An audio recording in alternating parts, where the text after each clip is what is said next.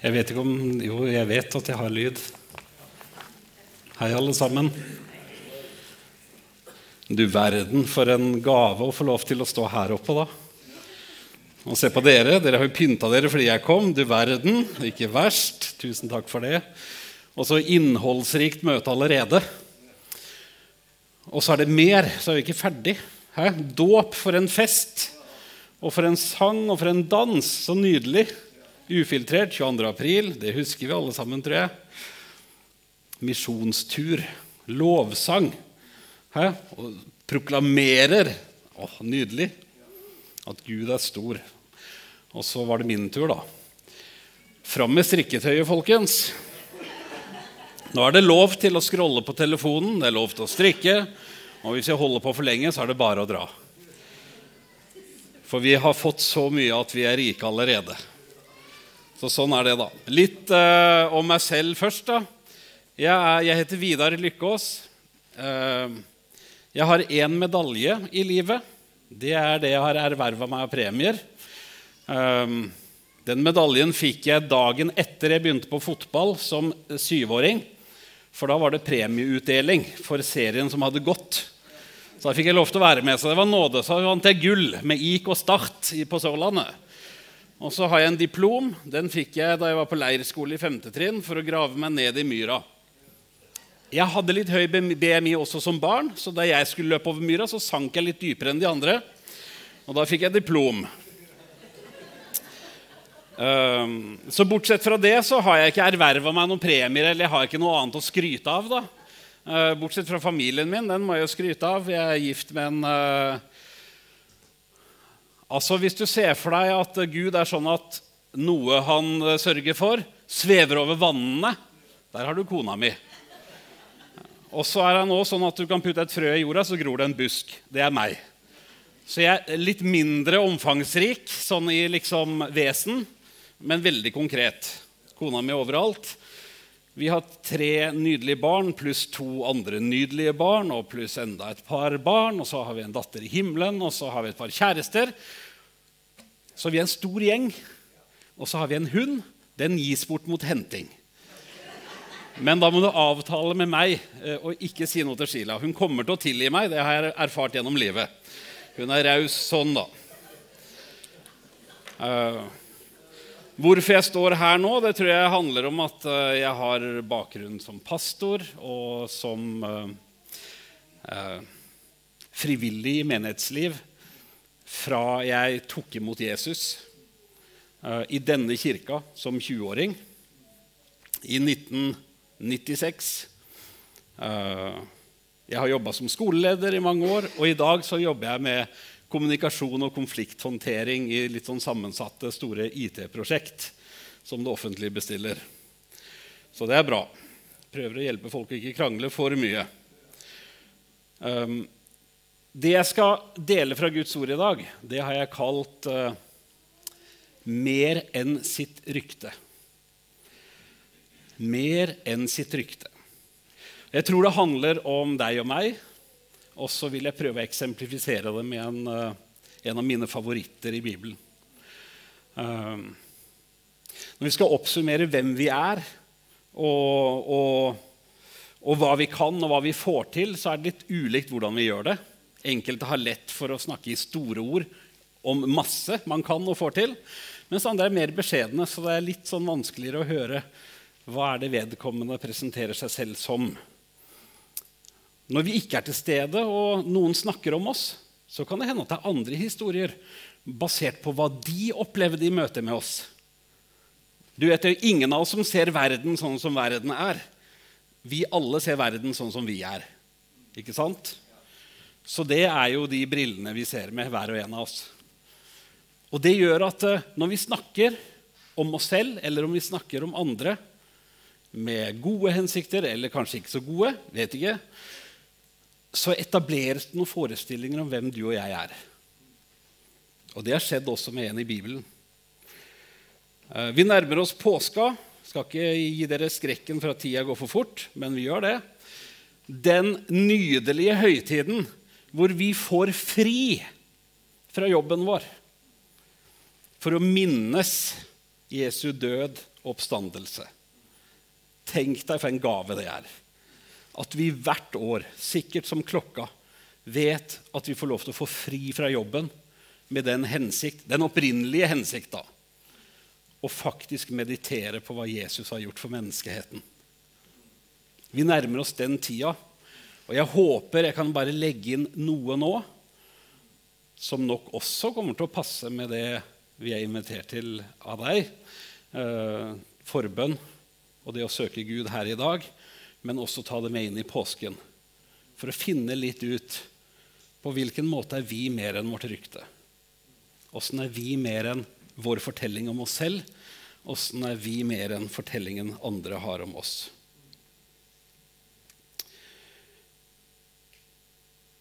Perspektivet de har jo utgangspunkt i påskehistorien uh, i særdeleshet. Uh, og gjennom den, Jesu døde oppstandelse, en av Jesu nærmeste venner som, som jeg syns har fått et litt upresist rykte, kanskje.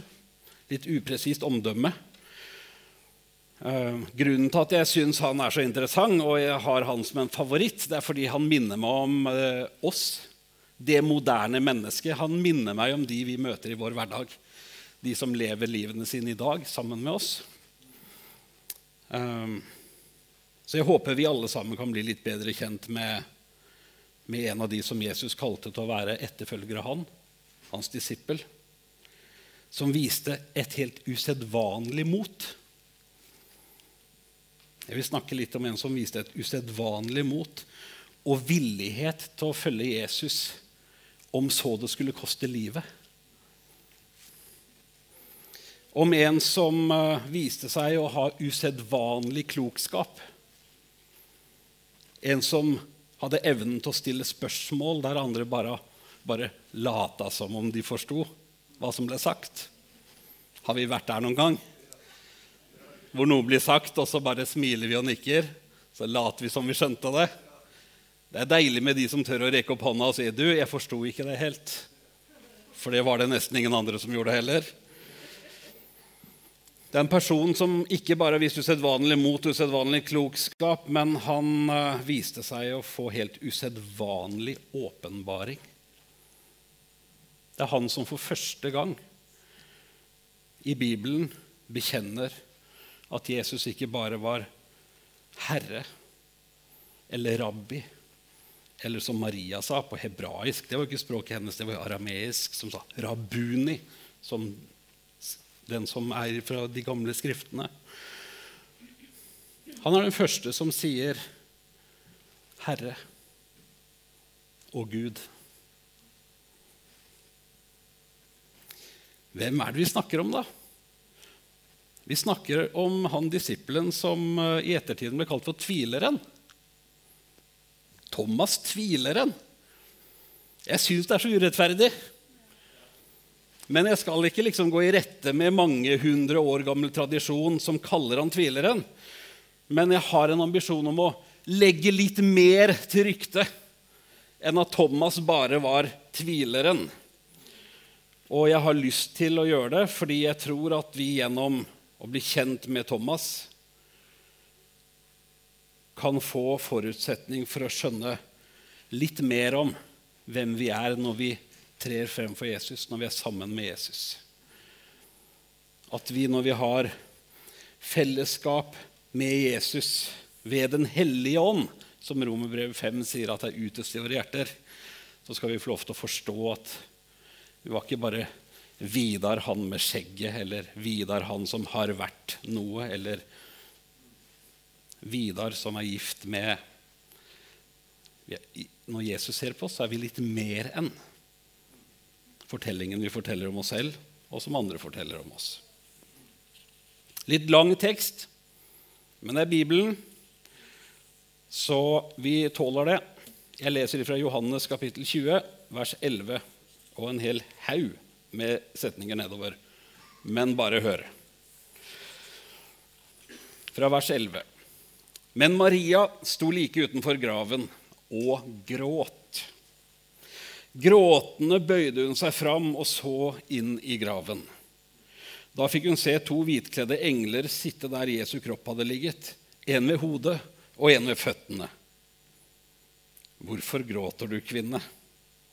spurte de. Hun svarte, De har tatt Herren min bort, og jeg vet ikke hvor de har lagt ham. I det samme snudde hun seg og så Jesus stå der, men hun skjønte ikke at det var han. Hvorfor gråter du, kvinne? spør Jesus. Hvem leter du etter? Hun trodde at det var gartneren og sa til ham, Herre, hvis du har tatt ham bort, så si meg hvor du har lagt ham, så skal jeg ta ham med meg. Maria, sa Jesus. Da snudde hun seg til ham og sa til ham på hebraisk, Rabuni. Det betyr mester. Jesus sier til henne, Rør meg ikke, for jeg har ennå ikke steget opp til far, men gå til mine brødre og si til dem at jeg stiger opp til ham som er min far og far for dere, min Gud og deres Gud. Da gikk Maria Magdalena av sted og sa til disiplene, har sett Herren. Og hun fortalte hva han hadde sagt til henne. Det var om kvelden samme dag, den første dagen i uken. Av frykt for jødene hadde disiplene stengt dørene der de var samlet. Da kom Jesus. Han sto midt iblant dem og sa, 'Fred være med dere.' Og da han hadde sagt det, viste han dem sine hender og sin side. Disiplene ble glade da de så Herren. Igjen sa Jesus til dem, 'Fred være med dere.' Som Far har sendt meg, sender jeg dere. Så åndet han på dem og sa, Ta imot Den hellige ånd. Dersom dere tilgir noen syndene deres, da er de tilgitt. Dersom dere fastholder syndene for noen, er de fastholdt. Thomas, en av de tolv, han som ble kalt tvileren Nei, det sto det ikke, nei. Han som ble kalt tvillingen, var ikke sammen med de andre disiplene da Jesus kom. Vi har sett Herren, sa de til ham. Men han sa, dersom jeg ikke får se naglemerkene i hendene hans og får legge fingeren i dem og stikke hånden i siden hans, så kan jeg ikke tro. Åtte dager senere var disiplene igjen samlet, og Thomas var sammen med dem. Da kom Jesus mens døren var lukket. Han sto midt iblant dem og sa, 'Fred være med dere.' Så sier han til Thomas, Kom med fingeren din. Se, her er hendene mine. Kom med hånden din og stikk den i siden min. Vær ikke vantro, men troende. Min Herre og min Gud, sa Thomas. Jesus sier til ham, fordi du har sett meg, tror du. Salig er de som ikke ser og likevel tror. Ok, bakgrunn. Jeg har jo ikke vokst opp i menighetsliv selv. Jeg ble en etterfølger av Jesus da jeg var 20 år. Og jeg har ikke hatt noe sånn naturlig kjennskap til det jeg har forstått, i enkelte kretser i hvert fall, er en kristelig kultur som assosierer Thomas med liksom tvilens ansikt. Eh, jeg har forstått i etterkant at det fins noe som heter Thomas-messer, hvor man fokuserer på dette med tro og tvil, eh, hvor man legitimerer tvil og gjør det naturlig, dette med tvil. Eh, gjerne liksom organisert i litt dempa belysning, kanskje, med litt mollstemt musikk. Så man blir litt usikker på om det er sentimentalitet eller tvil man føler på, eller om det er tro. Uh, men uh, jeg har ikke vokst opp med det. Jeg blei jo som kjent uh, kristen her. I det som liksom kalles pinse- og trosbevegelseskulturen.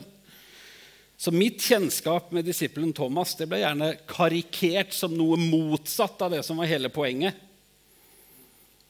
Eh, tvil er jo rett og slett ikke tro. Og det man holder på med som troende, er jo tro. Men nå som jeg har ønska å bli litt bedre kjent med Thomas tvileren, så er det akkurat det moderne mennesket jeg ser. Han er så relevant for den tida vi lever i. Og han gjør det så utrolig mye enklere for mange av oss å møte Jesus på en personlig måte. Litt sånn facts om Thomas. Er dere klare for det? Thomas leser vi i all hovedsak om i Johannes evangelium. Det er der vi finner mest tekster om Johannes. Og så er det en del av det som ikke er den kanoniserte Bibelen, andre tekster, som Thomas' åpenbaringen eller apokryfene. Thomas' evangelium. Det har ikke jeg basert talen min på i det hele tatt. Men det fins mange tekster eh, om Thomas. Men i Bibelen så er det Johannes' evangelium vi leser om han.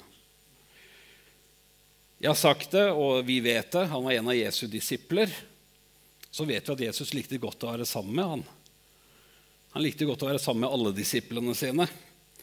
I Markus kapittel 3 og vers 13 så står det at Jesus kalte til seg dem han selv ville, for å være sammen med dem. Så han ble kalt med navn. Han ble kalt med navn fordi Jesus ville være sammen med ham.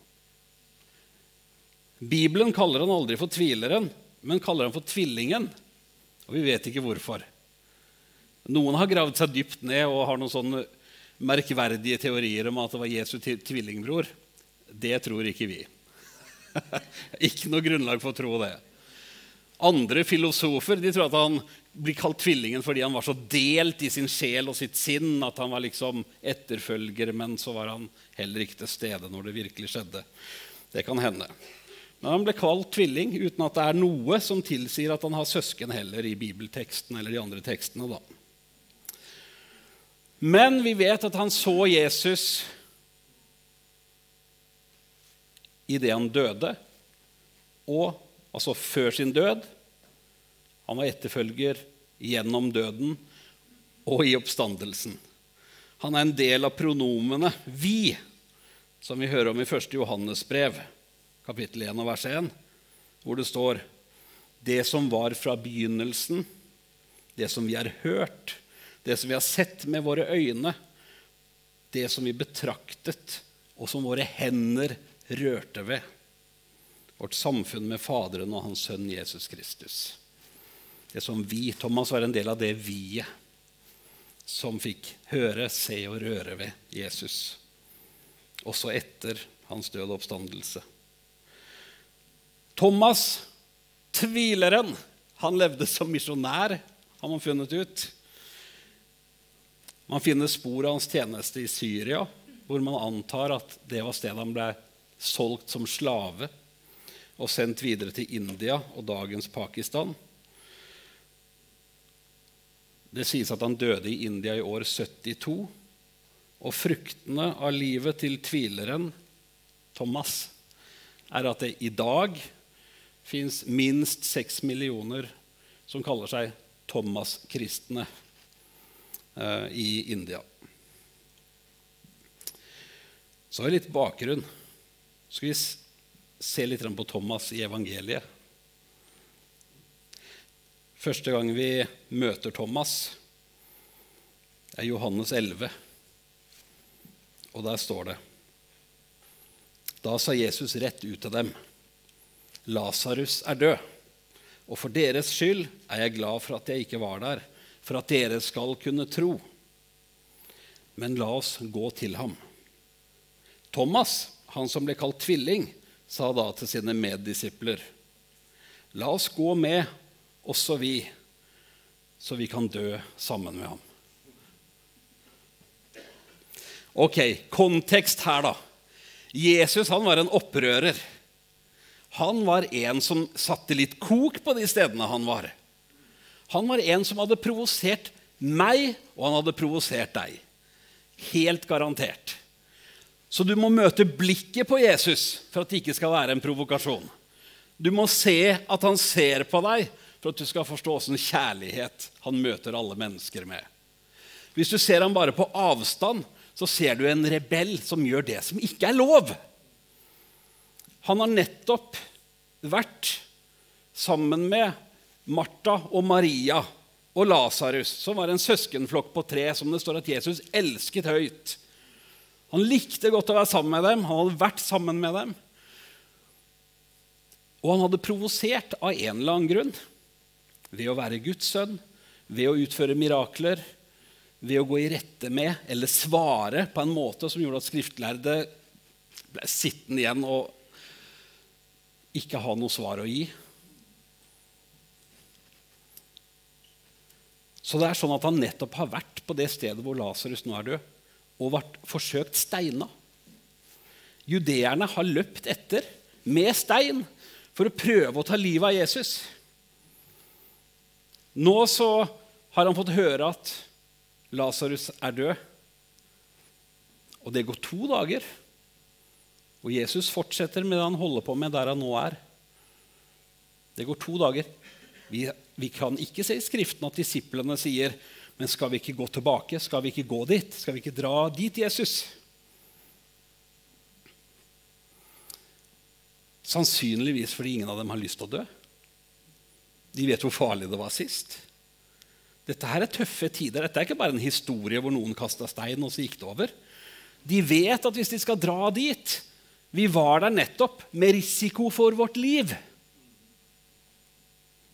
Ingen var veldig ivrig. Ingen var full av tro, kan vi kanskje si. I hvert fall ikke sånn tro som sier ja, men Jesus, du kan jo vekke han opp. kan du ikke det? Men så bryter Jesus stillheten og sier det var bra jeg ikke var der. Nå skal vi tilbake, sånn at dere kan få tro. Den eneste som har en respons på det, er tvileren i anførselstegn Thomas, som sier, 'Jesus, du skal ikke dra dit aleine.' Hei, folkens.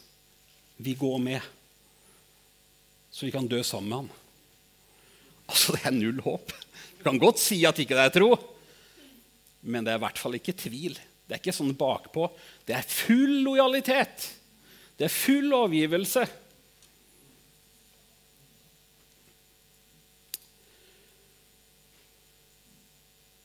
Et enormt mot. Thomas viste at der ingen andre tar ordet, så skal du i hvert fall kunne regne med meg. Det er litt mer enn rykte. Tenk deg, Sånn er det for deg òg. Sånn er det for meg òg. Vi har noen sånne lommer vi skal få lov til å finne fram i våre egne liv. At vi er mer enn det vi trodde om oss selv. Vi er mer enn hva folk trodde om oss. Neste gang vi møter Thomas, det er Johannes 14. Dette er så bra. leser fra Johannes 14 og vers 3. Og når jeg er gått bort, sier Jesus, og har gjort i stand et sted for dere, kommer jeg igjen og skal ta dere til meg, for at også dere skal være der jeg er. Og dit jeg går, vet dere veien. Thomas sier til ham, Herre, vi vet ikke hvor du går hen. Og hvordan kan vi da vite veien? Jesus sier til ham Og før vi sier det Vi hadde sannsynligvis ikke fått dette bibelverset hadde det ikke vært for at Thomas rakk opp hånda og, sa Men Jesus, det er ikke sant det du sier. Vi vet ikke veien. Han avbrøyt og turte å si, 'Fortell en gang til, så jeg kan forstå.' Som en som en Abraham som var i stand til å høre Gud tale en gang til, som trengte at Gud talte en gang til. Jeg sikter til historien om hans sønn Isak, hvor han var på vei opp på berget for å ofre sin sønn Isak.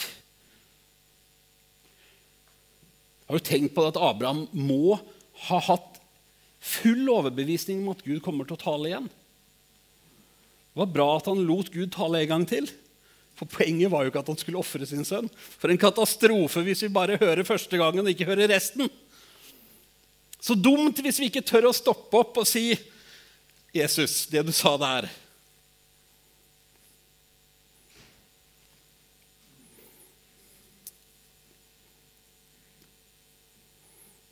Thomas sa til ham, 'Herre, vi vet jo ikke hvor du går hen, og hvordan kan vi da vite veien?'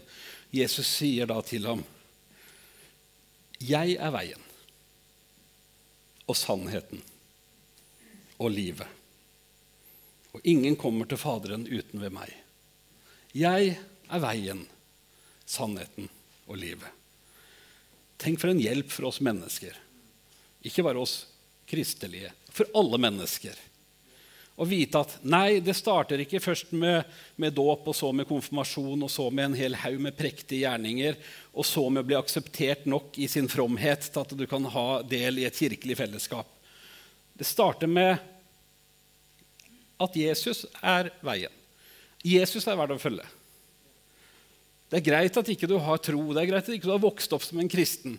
Alt det er greit, men tror du at Jesus kunne vært et godt forbilde?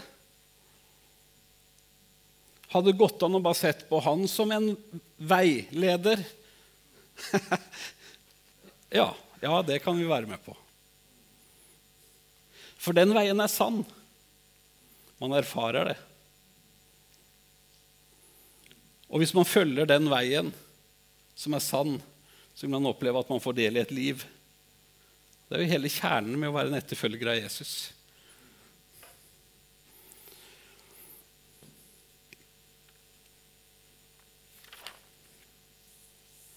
Fordi at Thomas hadde mot til å være den dumme, da kanskje, som sa 'jeg skjønner ikke'. Vi, kanskje han kikka seg rundt på de andre.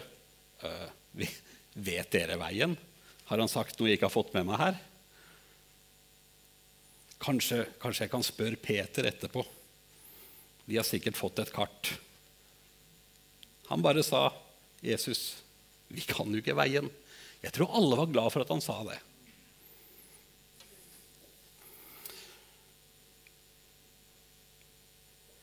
Og Så kommer vi til det tredje stedet hvor vi leser om Thomas. og Det var den lange teksten jeg leste i starten. Jeg skal ikke lese hele den om igjen. Men hva var det vi leste der? Orker dere å henge med på dette? Finalen. vi leser at Maria gråter. Så møter hun Jesus gjennom tårer fordi han sier navnet hennes. Vet du hva? Det er noe av det fineste Jesus vet, tror jeg, å si navnet vårt. Han kalte med navn. Han sier navnet ditt. Når du setter deg, lytt etter at han sier navnet ditt. Så det er bare dere.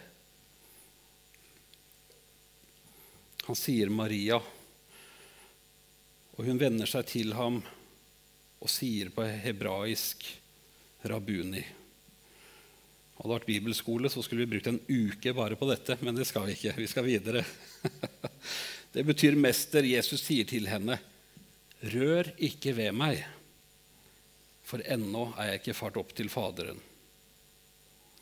Det jeg tror vi kan ta med oss av det, er at det mest naturlige for Maria det var å ville ta på og kjenne på.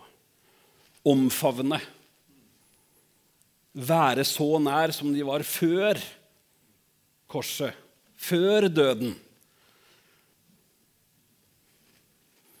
en naturlig respons.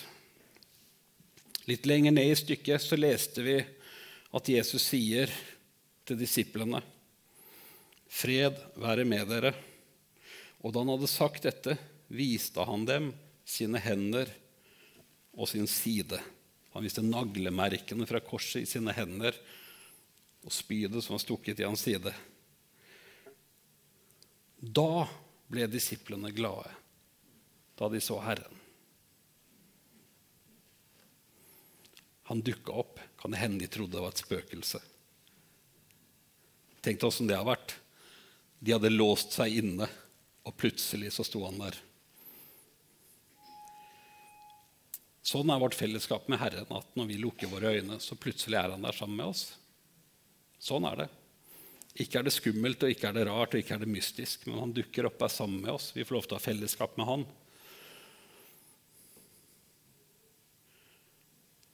Men da han viste hendene og sida, da ble de glade. Tvilerne. I anførselstegn tvilerne. Er det ikke det mest naturlige for oss alle? Selv om vi kan i vår, i vår kirkelige tradisjon så kan noen si 'Oi, jeg har vært i himmelen', jeg. Og så skal vi bli begeistret alle sammen fordi det ble sagt, så var det sant. Vi er litt sånn. Men ikke fortell meg at vi alle sammen kjøper det bare fordi det ble sagt. For sånn er vi ikke.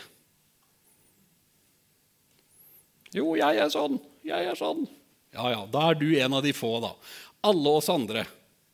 Vi er kanskje sånn som Jesu nærmeste disipler. At det var godt å få se. Så vi må huske det òg i forhold til Thomas. Da ble disiplene glade. Da ble disiplene glade. Da de så Herren og hans gjennombårede hender og side. Men Thomas var ikke til stede. Alle de andre disiplene og Maria hadde møtt, hørt og sett. Og her er et viktig spørsmål. Hvordan er det å være den ene som ikke var til stede? Hva er det Bibelen prøver å fortelle oss om det? Er det sånn at vi tviler fordi vi ikke var til stede?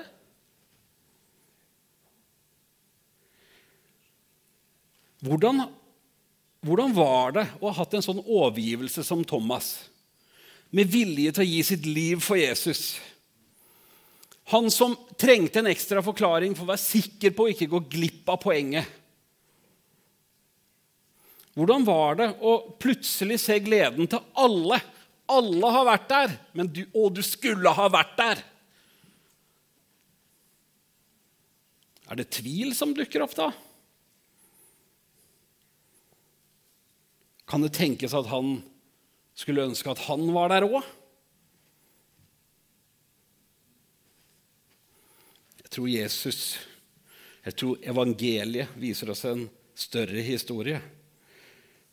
Tenk på hvor vondt det er for deg og meg når vi ser venner legge ut bilder av seg selv på sosiale medier. Middagsselskap med bestegjengen, hashtag 'lykkelig best friends'. Og du var ikke der. Nydeligste topptur med de beste folkene i verden. Du var ikke blant de beste folkene i verden på topptur. Til og med noe så banalt kan vi kjenne inni her. Og vet du hva vi kjenner? Det er ikke tvil. Vi kjenner på utenforskap. Vi kjenner oss utafor. Noe har skjedd her. Du var ikke en del av det. Det gjør litt vondt å kjenne seg utafor.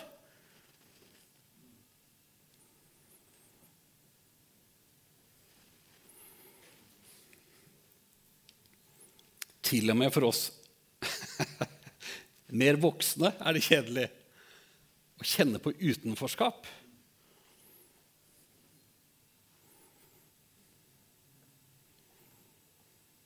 Så bra at noen adresserer temaet her i kirka 22. april. Hjertelig velkommen til å kjøpe billetter. som dere fikk høre. Fordi dette her herjer ungdommer. Det skaper så store psykiske lidelser, og du leiter febrilsk etter ett sted å høre til, og du gjør alt for å tilpasse deg sjøl til å bare høre til et sted. For utenforskap er så utrolig vondt.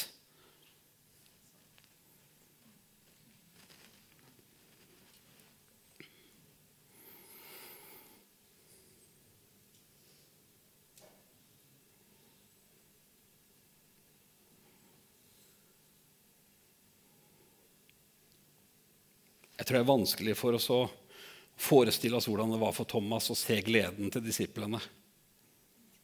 Han, er, han har stått opp. Vi har sett merkene.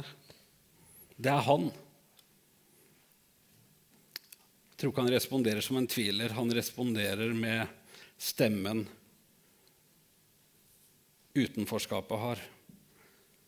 Og han sier, 'Ja, men dersom jeg ikke får se' Hvis ikke jeg får lov til å legge fingrene i, i hendene hans og stikke hånda i sida, så, så, kan jeg ikke tro. Hvorfor det? For sånn var jo ikke Jesus. Jesus var aldri sånn mot Thomas at han skulle bli holdt utafor. Jesus dro Thomas inn. Han kalte ham med navn, ville være sammen med ham, og han visste det kan ikke være Jesus. Det kan ikke være sånn at han holder meg utenfor og lar dere få se.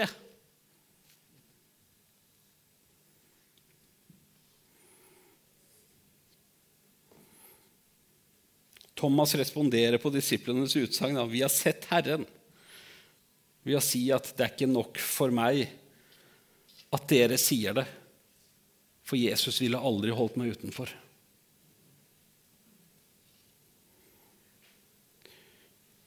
Så går det åtte dager. Og, og disiplene er samlet.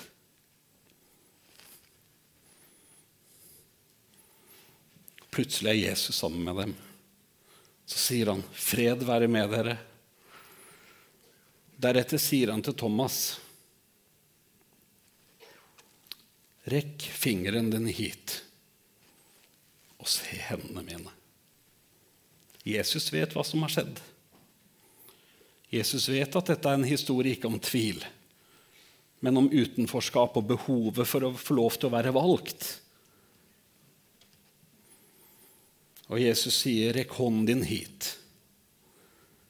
Legg den i min side. Vær ikke vantro, men troende.' Er det lov å tenke at Jesus sier, 'Kom, gjør det'? Du får privilegiet å røre ved meg.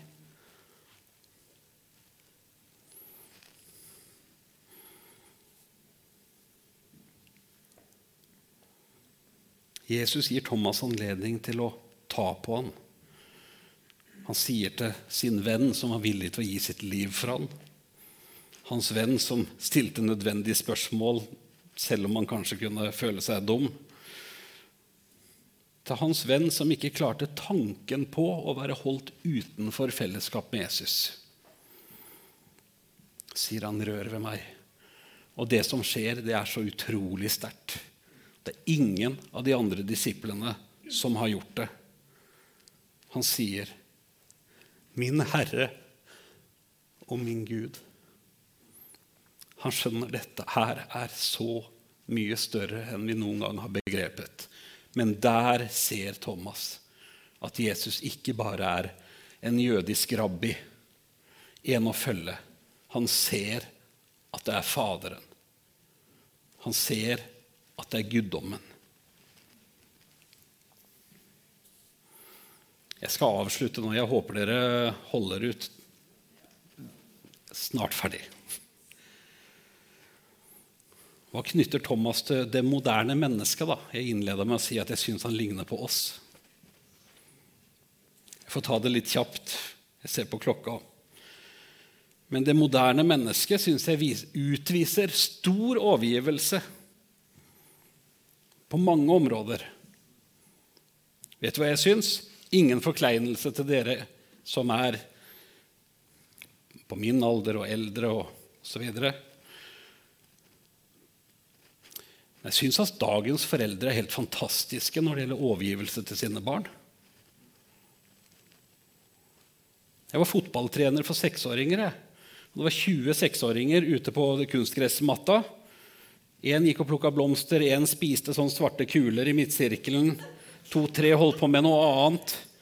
Og rundt så sto det jo 40 voksne, foreldre og besteforeldre, på en trening. For en overgivelse. Det er ikke snakk om liksom få skuffa dem dit og bare åh, endelig litt fri. Nei, vi følger opp. Hvor mange som sto i sånne lange dunjakker med liksom klubbmerket nederst liksom her, og sto som om de var trenere og med i støtteapparatet. Bare stå rundt og heier. For en overgivelse. For en overgivelse i forhold til karriere og i forhold til verdier. Om det er kosthold, eller om det er eh, trening, eller syns det moderne mennesket har stor overgivelse. Så behøver vi ikke å sette noen verdi på hva det er de har stor overgivelse i forhold til. da. Stor overgivelse.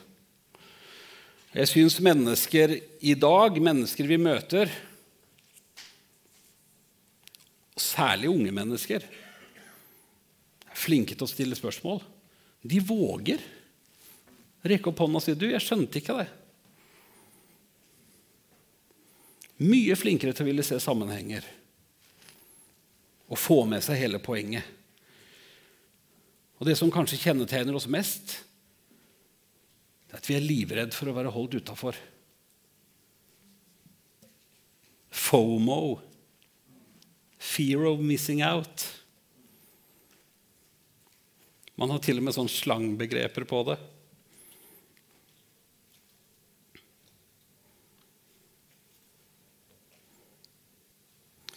Så hva om vi prøver å tenke på Thomas som en som hadde en relasjon til Jesus som var helt unik? At det ikke var tvileren, men det var den modige og lojale som fikk privilegiet å høre Jesus si. Ikke vær vantro. Det er et dårlig ord, da. Ikke vær vantro. Vær troende. Det er meg. Kjenn. Kom og kjenn. Rør ved meg. Helt tett på. Hva om det er tid for oss nå i dag, denne påsken, at Jesus sier til, til meg, Vidar Hør nå. Ikke tenk sånn. Ikke vær vantro. Ikke tenk sånn om det. Kom her. Rør meg på ny, Vidar. It's more to the story. Det er ikke ferdig. Det er mer. Du er mer enn hva folk sier. Du er mer enn hva du sier om deg selv. Du er mer enn hvor du er. Sammen med meg, Vidar. Den påsken har jeg dedikert meg for i år. Og Jeg håper du lar deg inspirere til å la det bli en påske for deg. Helt til slutt Thomas han ble en helgen. Jeg vet at pinsebevegelsen ikke tror på helgener. Det er greit. Men allikevel så finnes det noe sånn. Noen visse kriterier som skal til for at man kan bli en helgen i katolsk tradisjon. da. Skal ikke ta det, men skal bare peke på hva ble han helgen for? Etter sin død, hva ble i anførselstegn tvileren Thomas helgen for?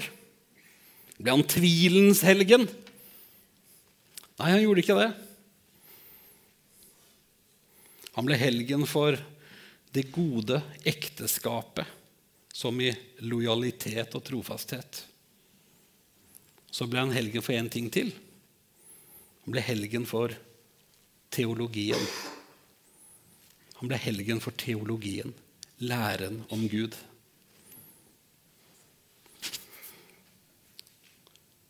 Så han jeg ble kjent med som noe motsatt av hva egentlig som var greia, tvileren, var noe helt annet. Helgen for trofasthet og lojalitet gjennom et helt liv. Og helgen for teologien, den sanne læren om Gud. Kanskje han skulle blitt kalt Thomas den trofaste. Kanskje ryktet han skulle vært Thomas den modige. Eller Thomas, han med åpenbaring.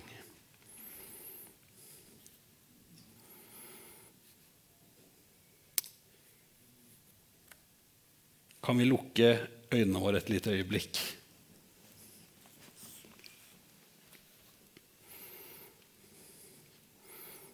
Takk, Jesus.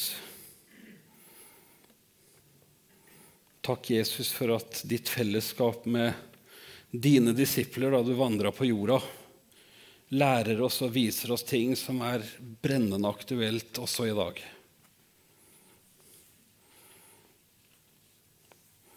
Takk, Jesus, for at du valgte med navn en som Thomas fordi du ville være sammen med han. Helt sikkert også fordi at vi har mye å lære. Nå ber jeg Jesus for oss som er samla, at vi skal få tro for at vi er mer enn vårt rykte. At vi ikke er den syke, men vi er den som er helbreda, Herre. At ikke vi er den arbeidsledige, men at vi er den ansatte, Herre. Den nyansatte Takk, Jesus, at du hjelper oss som er her, til å forstå og se at vi ikke er den som er utafor, men at vi er den som er inkludert. Takk, Jesus, at vi ikke er den som er utslitt, men vi er den som er fornya med ditt ord og din ånd. Takk, Jesus, at vi ikke er den som sitter her og som later som, men vi er den som blir betjent med sannhet, for vi følger deg. Takk at vi ikke er den som må ta seg sammen, men vi er den som blir båret av deg, Jesus. Takk, Jesus, at vi ikke er den som har angst og er angstfull, men vi er den som har fått fred som overgår vår forstand, Herre. Takk, Jesus, at vi ikke er den som er deprimert, men vi er den som har fått fred og glede i vårt sinn, Herre. Takk, Jesus, at vi er ikke den som som får til alt, men at vi er den som er avhengig av deg. Takk at vi ikke er den som har slutta å be, men at vi er den som har begynt å be igjen. Takk, Helligånd, at du kommer med din kraft over hver og en av oss. At du gir oss det vi trenger, Herre. For vi er mer enn hva som blir sagt om oss, og vi er mer enn hva vi sier om oss sjøl. Takk, Herre, at vi får lov til å fjerne tvileren for et øyeblikk og løfte frem den trofaste, den modige og den med åpenbaring. Takk at vi alle er den som er elska av deg. I Jesu navn. Amen.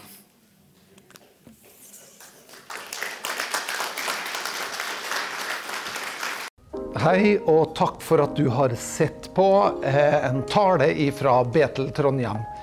Nå kanskje du sitter igjen med spørsmål og et behov for å snakke med noen. Da er du hjertelig velkommen til å ta kontakt med oss. Du er også hjertelig velkommen til å komme og ta del av gudstjenestene våre, eller det som skjer i ungdomsarbeidet eh, i kirka vår. Jeg tenkte at jeg hadde lyst til å avslutte med å lyse Herrens velsignelse. Så vær så god, ta imot. Herren velsigne det og bevare det. Herren la sitt ansikt lyse over det og være det nådig. Herren løfte sitt åsyn på det og gi det fred.